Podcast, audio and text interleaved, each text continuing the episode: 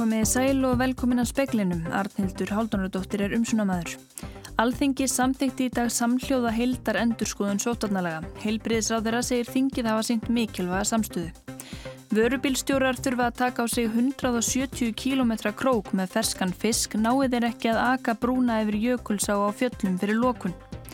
Brasilíst námafyrirtæki ættir að greiða jafnverði 911 miljardar króna í skadabætur vegna stíplu sem brast og varð á þriðja hundraða bana. Forstjóri Livjastofnunar segir að hugsanlega þurfa bólusetja fólk aftur við kórnuverunu eftir tvö ár eða breyta bóluefnum svo þau virki á stökkbreytt afbreyði. Og Sundabrú kallar á hafnarframkvæmdir á aðdapnasvæði samskipa, fjöldi skipa sem legstar við bryggju kæmist ekki undir brúna. Alþingi samþykti í dag samhljóða heildar endurskoðun sótarnalaga. Heilbriðisráð þeirra segir að þar með sé styrkari lagastóðum skotið undir sótarnarástafanir. Heilbyrðisráþara mælti fyrir frumarpi sína að heldar endur skoðan á sóttornalögum í nóvember og í loki janúar komst velferðanemnd að sameigilegri niðurstöðu. Gerðar voru breytingartelugur þar sem meðal annars ákvæðum útgöngubann var tekið út og skildu bólusetning á landamærum sömu leiðis. Þótt samstaða hafi verið á alþingi settur nokkri nefndarmenn fyrirvara við málið. Þeirra á meðal Sigriður á Andersen en það væri ekki um hefbundið mála að ræða, heldur mál sem í framtíðinni myndi hafa viðtakar heilsufarslegar afleðingar. Fagnaði niðurstöðunni við loka atkvæðagreislunar. Hér er verið að skjóta styrkari lagastóð undir sóttarnar ástafanir sem verið er að beita í þeim faraldri sem ústendur yfir. Hér er verið að tryggja betur réttindi borgarana, skýra mögulegar kæruleiðir þar með talið, en ekki síður að skýra með afgerandi hætti af hendi löggefans þau hugtök og þær ráðstafanir sem verið er að beita. Það er afar mikilvægt hvað Alþingi hefur sínt mikla samstöðu, yfirvegun og málefnalega úrvinnslu í þessu flókna máli. Sagði Svandís Svavarsdóttir, Jóhanna Vigdís Hjaltadóttir tók saman. Þórulfur Guðnarsson sótarnalagnir segir að býða verði um hálfan mánuð þið minsta með næstu tilslaganir. Lagðar verði til vægar breytingar í fyrstu atrinu. Hann hegst skila tillugum til helbriðsaðara öðru koru megin við helgina. Bláa lónið er í sérflokki þegar kemur að arðgreðslum þeirra 50 fyrirtækja sem mestan styrk hafa fengið úr ríkisjóði til að greiða laun starfsfólks á uppsagnarfresti. Þetta sínir samantækt kveiks sem beigðir á ársreikningum áruna 2017-19. Fyrirtækin 50 sem eru nánast öll í ferðarþjónustu fengu samtals um 9 miljardar króna á ríkisjóði vegna launakostnaðar á tímabilinu mæ til oktober í fyrra. Samanlaðar argæðslur þeirra síðustu þrjú árin fyrir faraldurinn voru næstum tvöfalt meiri, tæplega 20 miljardar. Þar afgreiti bláa lónið hlutöfum sínum hátt í 8 miljardar. Haldur Benjamin Þorbergsson, framkvæmtastjóri samtaka aðtunulífsins, segir að bláa lónið hafi verið eitt stærsti skattgreðandin á Íslandi svo árum skipti. Hagsmunumati sem á sér stað, bæði hér og í stjórnmálum og í lunnþegarheimingunni er þetta að fórnarkostnaður samfélagsins við það að missa heila atvinnugrein í gjaldtrót er einfallega meiri en svo að styðja við hann tímabundið. Saði Haldur Benjamin Þorbergsson fjallaverður um arðgreðslur og stöðu fyrirtækja sem hafa þegið uppsagnastyrki í kveiki í kvöld.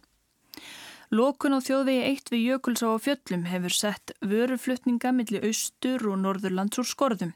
Ef bílarnir ná ekki við brúna á Jökulsá fyrir lókun þarf að keira yfir 170 km leið með ströndinni. Frá því stort krapalaup varði Jökulsá 27. janúar hefur þjóðvegur eitt um Jökulsá brú verið lokaður millir klukkan 6 á daginn til 9 á morgnana. Miklir vöruflutningar er á þessari leið og þar hefur lokunin haft mikil áhrif reynum að vera fyrir á ferðinni en, en eins og með áallunavöru sem er dagvara mikið að þá verðum við að fara ströndina sem eigur við kringum 170 km. Og uh, það er bæði dýrara og, og meiri tími? Já, þeir tímar aukalega og kannski hlutu sem við náum ekki innhengta aukalega sko segir Jóhannes Hjálmarsson, Aksturs og þjónustustjóri hjá Flytjanda á Norðurlandi. Þá séu miklir fisklutningar millu austur og Norðurlands, bæði ferskur fiskur sem verða að komast samdægurs en einni fristar afurðir að Norðan um borði flutningaskip á austfjörðum. Og það þýðir það eins og með samherja þeir verða þá að stoppa fyrr í raun og ná ekki að klára dægin til þess að hérna, við komumst á stað fyrr til þess að ná brúni á verðnum loka kl. 6. Já, við hérna svona reynum bara að vinna bara með þessum aðstæðum sko, svona eftir bestu getur. Þetta var Jóhannes Hjálmarsson, Ágúst Ólafsson talaði við hann. Íslensku landbúnaður verður að fullu kólefnisjafnaður innan 19 ára. Þetta kemur fram í samkómalagi sem landbúnaður á þeirra og bændasamtökin undirrituði morgun. Með þessu laukjafrant endurskoðun á öllum fjórum búverusamningunum sem tóku gildi fyrir fjórum árum. Formaður bændasamtakana segir þetta engu breyta um matvælaverð. Jáfrant var ákveðið að á næstu vikum er þið sett á fót svo nefnt mælaborð landbúnaðarins en þar verður hægt að nálgast upplýsingar um matvælaframleðslu og fá yfir sínum framleðslu, sölu og byrðir í landinu. Í samkvæmuleginu sem undirrita var í dag fælst einnig að útbúið verði sérstakt búverumerki fyrir íslenska landbúnaðarafurðir að norrætni fyrirmynd. Gunnar Þorgesson, formaður bændasamtaka Íslands, segir ekki mikla breytingar félast í endurskoðun á samningnum. Í raun og veru er þetta bara að verða skerpa á þeim línum sem hafa breyst í frá því að vera undirritað 2016. Þannig að það er svo ekki verið að, breyta nynnu fyrirkomulagi í, í stóru myndinni. Og þú sérð ekkit í þessu sem gæti einhvern veginn breytt verði á matvælum, hækkað út af þessari kólöfnisjöfnun eða eitthvað svo leiðis? Nei, það er náttúrulega bara verið að vinna eh, framtíða sín landbúnaðar eins og hann verði kólefnisjöfnaði 2040 eins og stefntir að með öðrum búursamningum, hann er svona samsjóma þeim áherslum. Telur þetta markmið náist um að kólefnisjöfna allan landbúnað fyrir 2040? Við vinnum að því hörðum höndum og stefnan er þar þannig að ég á voni því að við getum tekið höndu saman um að vinna því. Það er, það er okkar megi markmið. Þetta var Gunnar Þorgersson, Kristín Sigurðardóttir talaði við hann. Félag framhaldsskólakennar og félag stjórnenda í framhaldsskólum hafa vísað kjaradeilu sinni við ríkið til ríkisáttasamýra. Skrifað var undir stuttan kjarasamning í april í fyrra sem gildi til áramóta og í honum var kveðið á um að unnið er það nýjum samningi á þeim tíma. Í tilkynningu frá félagunum segir að samninganemdir félagana telli að svo vinna hafi ekki skilað ásættanlegum árangri. Brasilíska námafyrirtækið Vale hefur fallist á að greiða jafnverði 911 miljardar króna í skadabætur vegna stíplu sem brast árið 2019. Þetta eru hæstu skadabætur sem greitar hafi verið í Suður Ameríku. 270 létust þegar Brumadinho stíplan brast með þeim afleðingum að miljónir tonna af eitraðri leðju flættu yfir íbúðarhús og ræktarland. Í samkómalæginu sem staðfest var í dag lofar Rísa fyrirtækið að greiða þeim skadabætur sem urðu fyrir tjóni og lagfæri allt í náttúrunni sem skadaðist þar sem leðjan flætti um. Aðsogni brasilískra fjölmiðla söpnuðust þeir sem urðu fyrir tjóni saman utan við dómshúsið þar sem niðurstaðan var kynnt og mótmæltu. Að þeirra mati hefðu skadabæturnar átt að verða mun herri. Nokkur er hótuð að fara með samkómalægið fyrir hæstarétt Brasilíu. Stjórnvöld í Minas Gerais ríki þar sem stíplan var fóru fram á mun herri skadabætur en samið var um. Að þeirra sögn fjælst vali á að greiða viðbætur reynist tjónið vera meira en áætlað var. En eru í gangi málaferðli gegn 16 manns þar á meðal fyrirverandi forstjóra vali. Þeir hafa verið ákjærðir fyrir mandráp af ásettur áði þar sem þeir hafi árum saman vitað af skemdum í stíplunni en ekkert aðhafst. Áskir Tómasson sæði frá. Dánartíðina völdum krabbamein á Íslandi hefur dreyjist saman um meira en 60% hjá báðum kynjum. Í dag er alþjóðlegi krabbameinsdagurinn. Laufey Tryggvadóttir forstuðum að rannsókna og skráningasettus krabbameinsfélagsins segir að hotlara mataræði og aukinn reyfing hafa átt stóran þátt í að draga úr dánartíðinni en nú þurfi áttak til að draga úr ofþyngd og áfengisneislu. Skýringar á þessari lækkun eru, eru margar og sterkast það koma þeirrin framfærir í meðferð og það hvað gífulega hefur mikið dreyið úr reykingum og svo stemgreining. Þetta þrendskiptið þetta mestu máli. Og til dæmis hefur skimur fyrir forstegum lihálskrappamins forðað um 500 íslensku konum frá ótímabærum dauða. Saði Lauvei Tryggvadóttir. Viaplay sem tryggt hefur sér enga rétt á síningum og leikjum íslenska karlalandsliðsins í fótbolta tjáir sig ekki að sinni um hvort tilstandi að reyna að fá réttin á leikjum kvennaliðsins líka. Samningu Netgroup sem á streymisveitina Viaplay hefur gert samningu í knastbyrnu sambandi Evrópum síninga frá landsleikjum. Fyrsta engarétta samningin sem sambandi gerir við streymisveitu um síningar frá landsleikjum. Leikir íslenska karlalandsleisins í fótbolta verða síndir þar frá 2022 til 2028. Roberta Elenius, yfir maður samskipta hjá Netgroup, sagðist í samtalegu fréttastofuna ekki geta tjáð sig um hvort það staði til að gera einni samningum leiki í íslenska kvennalandsleisins. Samsteipan er einnig með síningaréttunum leikjum í ennsku úrvalstildin í Svíþjóð, Danmörku, Finnlandi og Noregi. Alenius vildi ekkert segja um það hvort til skoðuna væri að sækjast eftir síningaréttunum hér á landi einnig. Viaplay er með síningarétti í ymsur löndum frá leikjum frá Evrópudildinni, Mestardildi Evrópu og Þísku og Skosku úrvalstildunum svo fátt eitt sér nefnt, auk fleiri í þróttagreina. Haugur Holmsæði frá.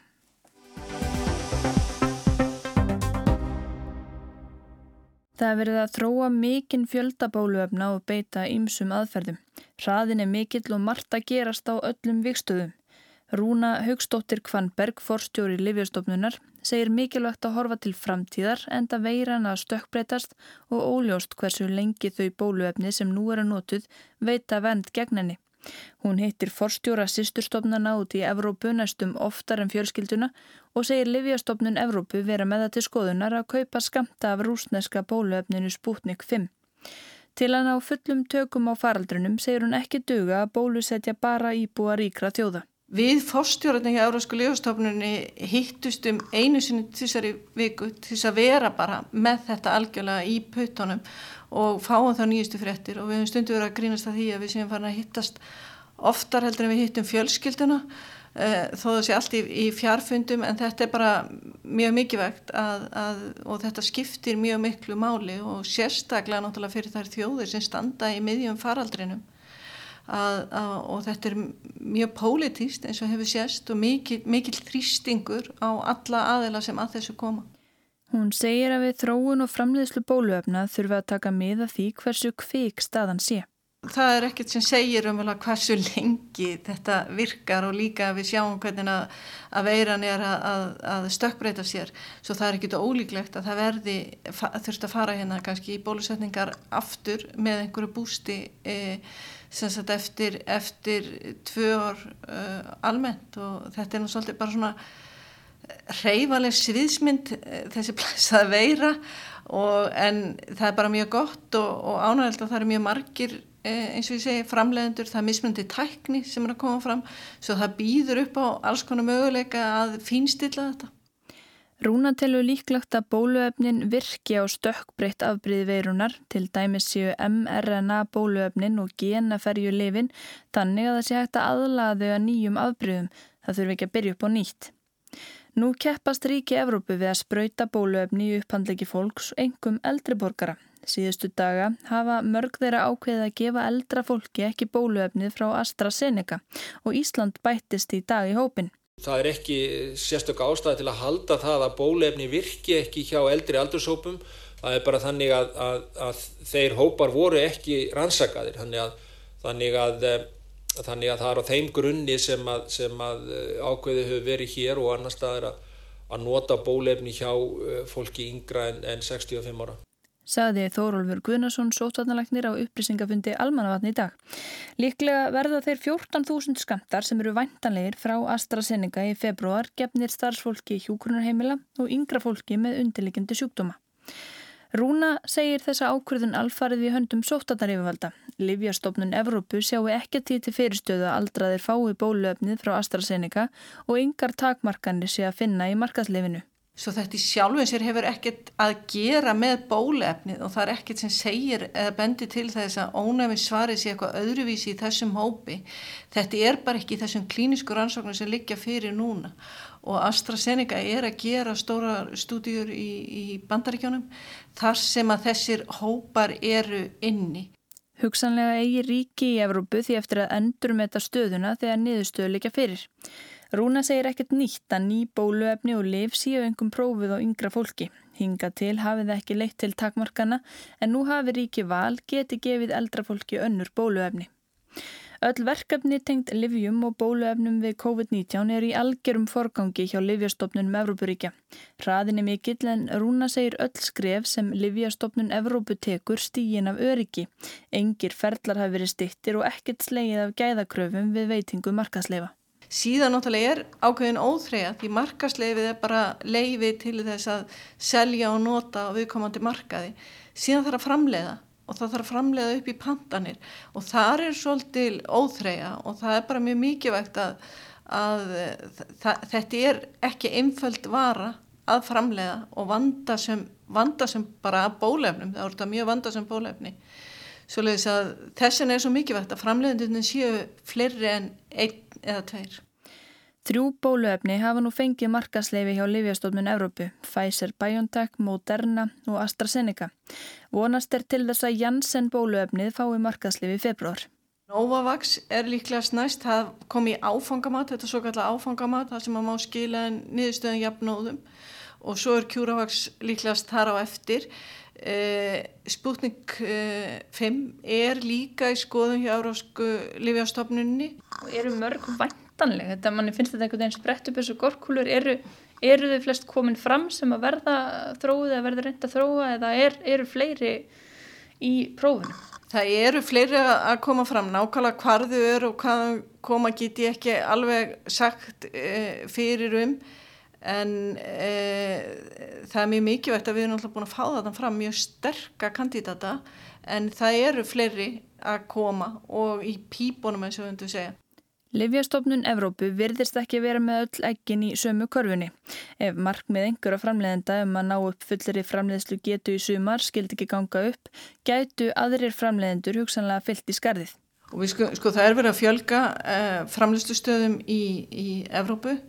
Eh, það er líka framleiðslustöður í bandaríkjónum eh, sem geta þjónað bæði, báðir þessir Evrópa getur þjónað bæði, bæði Evrópu og bandaríkjónum og, og vísa versa út af uh, uh, samningum á milli Európsku lífastofnunar og, og FDA, bandarísku uh, lífastofnunar svoleiðis að það, það, er, það, það er að tölverða taka en þetta tekur alltaf tíma að ná upp fullri framleyslu getu.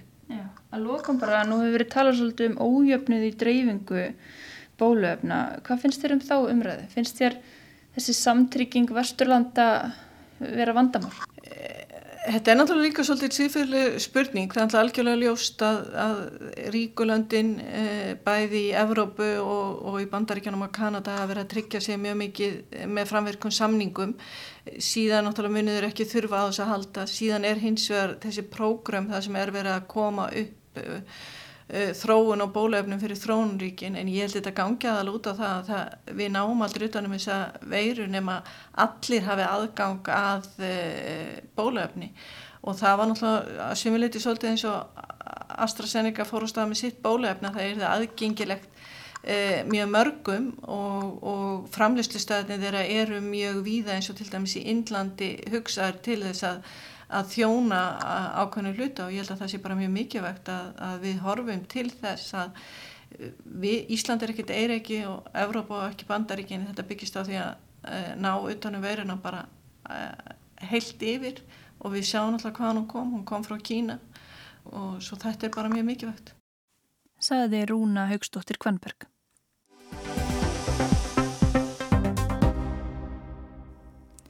Lagning sundabrúr kallar á hafnarframkvæmdir á aðtapnasvæði samskipa. Á 30 mánada tímabili lögðust 14 skipað bryggju innan við fyrirhugaða brú sem hefði ekki komist undir sundabrú. Já, þetta hefur áhrif að hafnarstafsefna í samskipum og, og það er, er setta tilögu fram að um, mótuæðisaðgerum sem er um nýja hafnatengingu sem leysir farmsvæði, eimskipa og samskipa. Eh, brúin á að vera næl, nægilega há til þess að öll gáma umferð á hafnarsvæði samskipa verið áfram en auðvitað er þetta mikil áhrif á starfseminn og, það er lagt áherslu á að menn grípi tímalega til undirbúnings og tímalega til þeirra undirbúningsaðgerða sem er að gera. Sagði Guðmundur Valur Guðmundsson formaður starfsóp sem að telur að brú vegna lagningar sundabröytar sé betri kostur en jargung. Áður var að talað um há og lábrú en nú er talað um sundabrú brú sem er einhver staðar á milli þessara tveggja kosta. Það er gert alveg fyrir að mesta hæði brúargólfið verði 30 metrar frá sjó á 100 metra bili eða siglingarennu. Samskipa hafa komið þeim sjónafum á framfæri að sundabrú muni hafa mikil áhrif á starfsemi fyrirtækisins bæði á framkvæmda tíma og til framtíðar. Mikilvægt sé að leggja vogabakka til norðus eða þann hlutar sem er fyrir utan brúna og að það veri klárað áður en að framkvæmdir við brúna hefjist. Að öðrum kosti telur samskip að starfsemi þess muni svo gott sem stöðvast, segir í skýslu starfsópsins. Þá sé ljóstað byggingar þar sem nú er verkstæð og skrifstofur þurfa að víkja vegna framkvæmdana og axtur með gáma í vöruhús muni lengjast. Brúin mun liggja yfir aðtapnasvæði samskipa. Það þýðir meðal annars að ein viðlegan verður ónótæf eða um 150 til 200 metrar af hafnabakkanum. Það verður áframhægt að nýta hafnarbakkan innan við brúna fyrir tógar og svo gulluð heil farmaskip sem flytja engum með grófurum og svo gámaskip undir 30 metrum. Stæstu skipin verða að leggja stað utan við brúna og þess vegna þarf að bæta við einum viðlegu kanti. Í skýslinu kemur fram að nýr hafnarbæki geti kosta alltaf 2 miljardum krónan og einni ljóst að ráðast veður í talsverða dýfkunar framkvæmdir.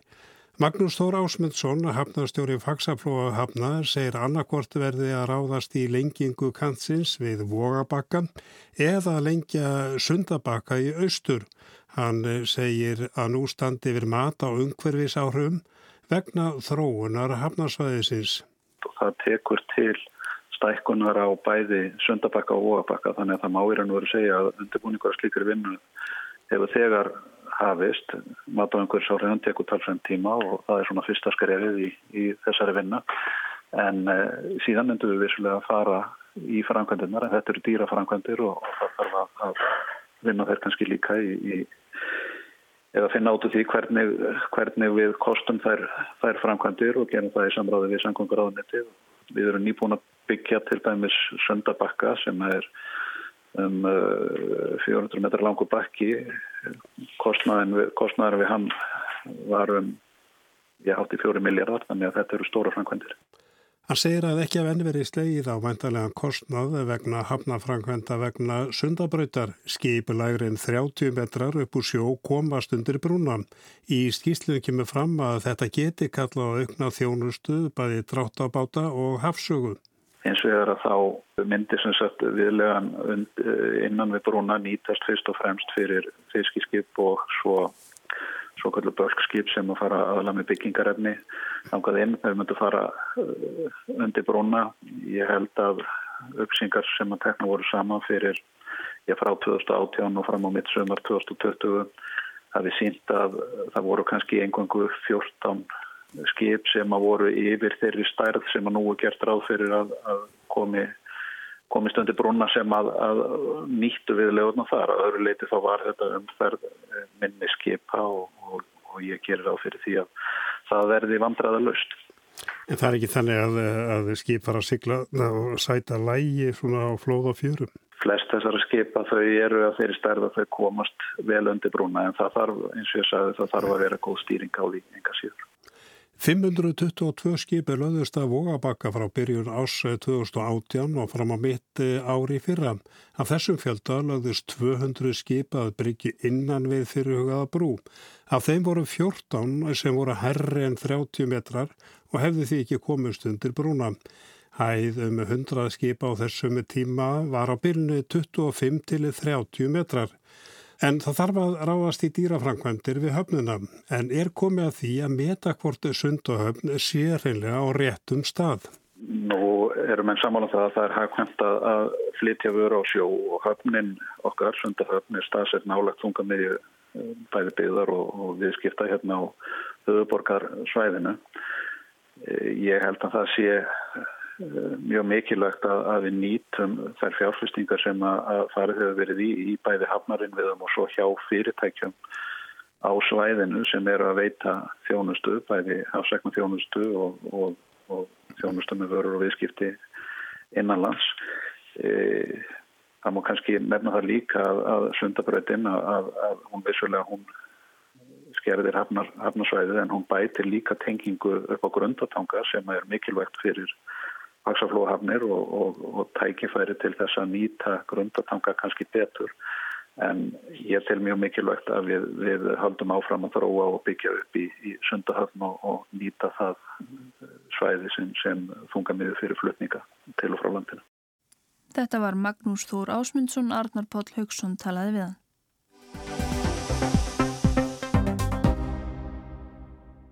Þegar tilkynntir um eld í atvinnuhúsnæði hefur slökkvilið ekki við annað að styðjast en fjögur ára gamla kortlagningu.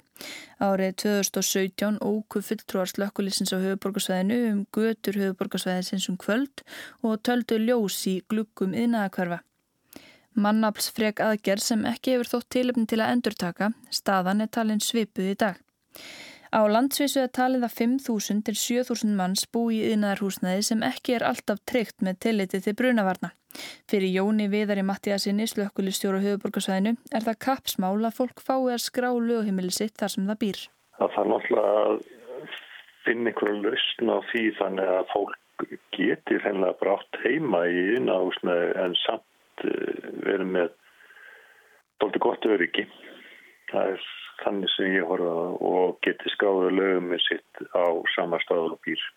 Hvað þurft að breytast til að þetta gangi upp? Ég held að þú er náttúrulega að koma inn í nokkur lög og einhverju reglugerðir en aðamálu náttúrulega tengist líka skiplasmálum þannig að eh, fólki sé heimilt að búa í einu húsnæði eða atvinnúsnæði því að ég held að sé bara hjá okkur eins og allstaðar að samfélag eru að þróast og, og byggðir þróast og, og þetta er ekkert sem að hverfur. Jón Viðar satt í vinnuhópi húsnæðis og mannverkjastofnunar um húsnæðis umbætur sem skilaði frum tillögum í vikunni.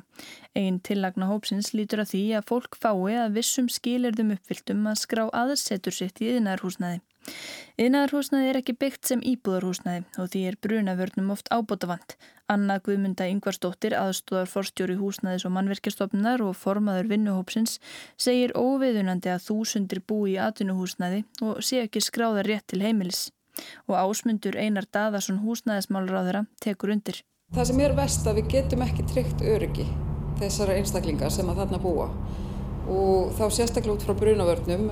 Það auðvitað er sláandi hversu margir er þarna um að ræða en um leið vitum við að það hefur verið mikill húsnæði skortur og þegar að slíkar aðstæður eru að þá eru meiri líkur á, uh, á, uh, á svona löguðu. Vinnuhópurinn benti á að brunavarnir væru líka oft í ólægi eldra íbúðarhúsnæði. Lagt var til að fræða húsegjöndur betur og gera kröfur til dæmis um ástandsskoðun þá gætu yðgjöld tryggingafélag að tekja mið af ástandi brunavarna. Í dag hefur slökkulegið afar takmarkaðar heimildir til að sinna eldvarnar eftirliti í íbúðarhúsum, þar var annarkort leifi eiganda eða dómsúrskur til að fá aðgang. Jón Viðar segir að eigendur húsnaðis beri ábyrð á brunavörnum en slökkulegið væri alveg til í að taka sér aukið eftirlitslutverk. Hluti af verkefni umbótahópsins var að skilgreina hagræna kvata sem fengju eigendur óskráðra íbúða til að skrá þær ofinberlega. Fyrri vinnur ekki lokið en Jón Viðar segir að það þyrrt að gera eigandum yðnaðarhúsnaðis kleift að sækja um nýtt byggingalefi. Þegar breytir notkuna húsnaði þá þarf það í raun að sækja um nýtt byggingalefi og það þyrsti kannski að bera, bera fyrst niður að byggingafulltrús er heimilt að gefa nýtt byggingalefi fyrir búsitu sem geta ekki í dag út af skipilaskilmálum og leið og það er komið í gegn að þá eru gerða kröfur um eh, öryggi og meðal annars bruna öryggi í viðkomandi húsnæði þannig að tryggir örygg á búsitu. Hópurinn hefur líka veldið upp hvernig bætamætti eftirlit með skamtímalegu og langtímalegu húsnæðis. Já að jæfnilega eh, setja útlegu á húsnæði sem er í innahúsnæði þá undir sömu kröfu og gistiheimili. Það getur við eitt möguleiki. Vinnuhópurinn var stopnaður eftir eldsvoðan á Bræðraborgastík þar sem þrýr letust.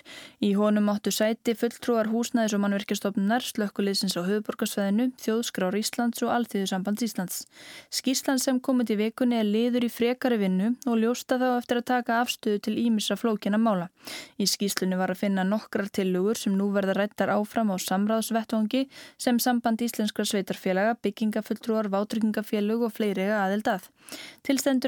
félags- og húsnæðismálar á þeirra tillögum til úrbóta fyrir lók þessa mánadar. Og veðurhorfur á landinu til miðnættis annað kvöld, suðaustan strekkingur eða allkvass vindur viða lítilsáttar jél en bjartviðri á Norðurlandi, hiti um eða undir frostmarki. Fleiri er ekki speiklunum í kvöld, Mark Eldred sendi þáttinn út, verið sæl.